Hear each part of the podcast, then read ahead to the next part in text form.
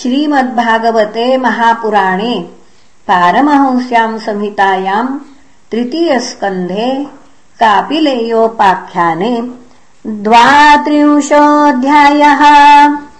कपिल उवाच अथ यो गृहमेधीयान् धर्मानेवावसन् गृहे। काममर्थम् च धर्मान् स्वान् दोग्धि भूयः पिपर्तितान् स चापि भगवद्धर्मात् काममूढः पराङ्मुखः।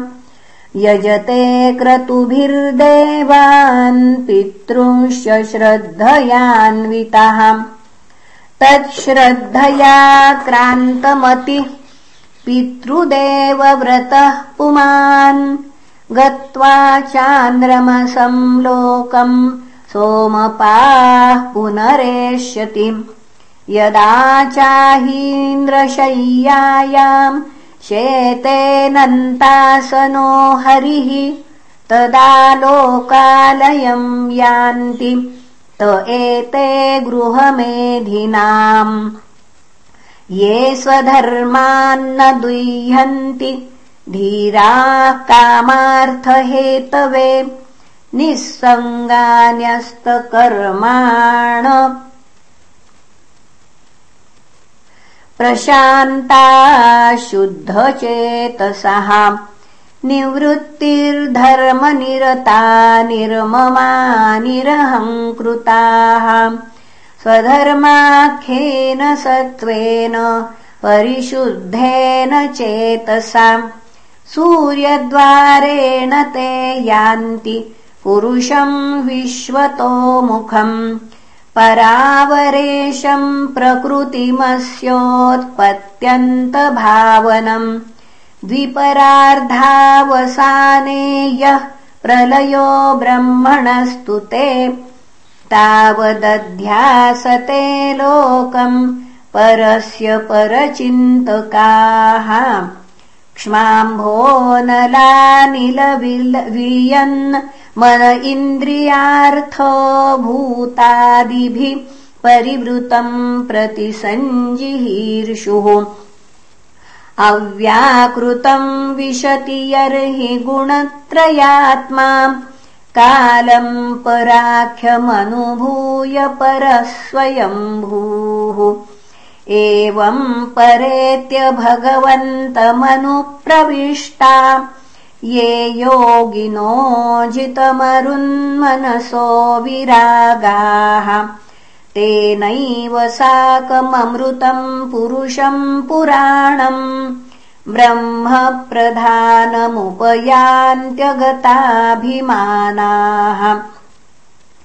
अथ तम् सर्वभूतानाम् हृत्पद्मेषु कृतालयम् श्रुतानुभावम् शरणम् व्रजभावेन भामिनीम् आद्यस्थिरचराणाम् यो वेदगर्भः सहर्षिभिः योगेश्वरैः कुमाराद्यैः सिद्धैर्योगप्रवर्तकैः। भेददृष्ट्याभिमानेन निःसङ्गेनापि कर्मणा कर्तृत्वात् सगुणम् ब्रह्म पुरुषम् पुरुषर्षभम्।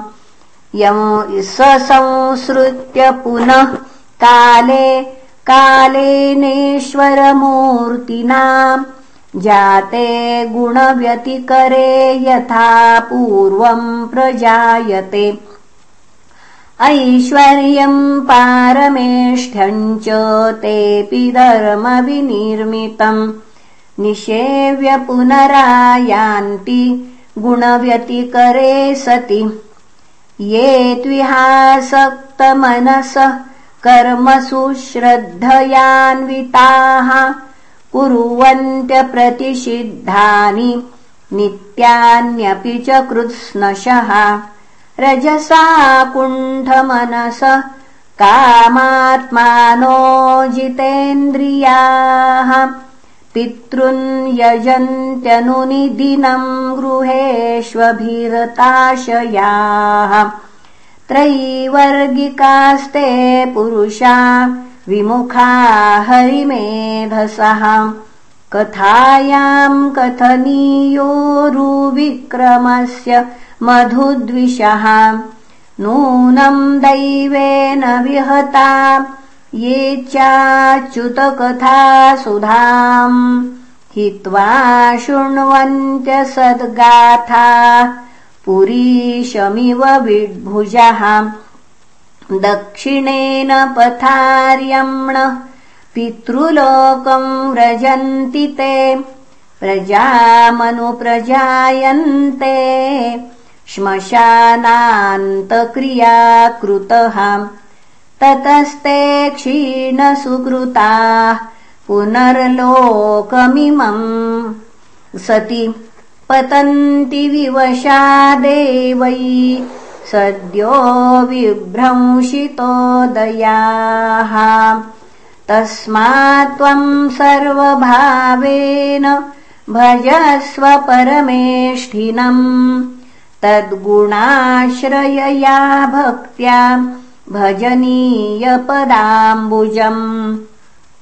वासुदेवे भगवति भक्तियोगः प्रयोजितः। जनयत्याशु वैराग्यम् ज्ञानम् यद्ब्रह्म दर्शनम्। यदास्य चित्तमर्थेषु समेष्विन्द्रियवृत्तिभिः न विगृह्णाति वैषम्यम् प्रियमप्रियमित्युत सदैवात्मनात्मानम् निःसङ्गम् समदर्शनम् हेयोपादेयहितम् मारूढम् पदमीक्षते ज्ञानमात्रम् परम् ब्रह्म परमात्मेश्वरः पुमान्। दृश्यादिभिः पृथग्भावैर्भगवानेक ईयते। एतावानेव योगेन समग्रेणेह योगिनः। युज्यतेऽभिमतो ह्यर्थो यदसङ्गस्तु कृष्णशः ज्ञानमेकम् पराचीनैरिन्द्रियैर्ब्रह्मनिर्गुणम्। अवभात्यर्थरूपेण भ्रान्त्या शब्दादिधर्मिणा यथा महानहम् रूपस्त्रीवृत्पञ्चविधस्वराट् एकादशविधस्तस्य वपुरण्डम् जगद्यतः।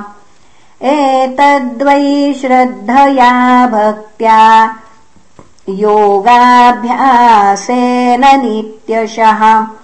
समाहितात्मा निःसङ्गो विरक्त्या परिपश्यति।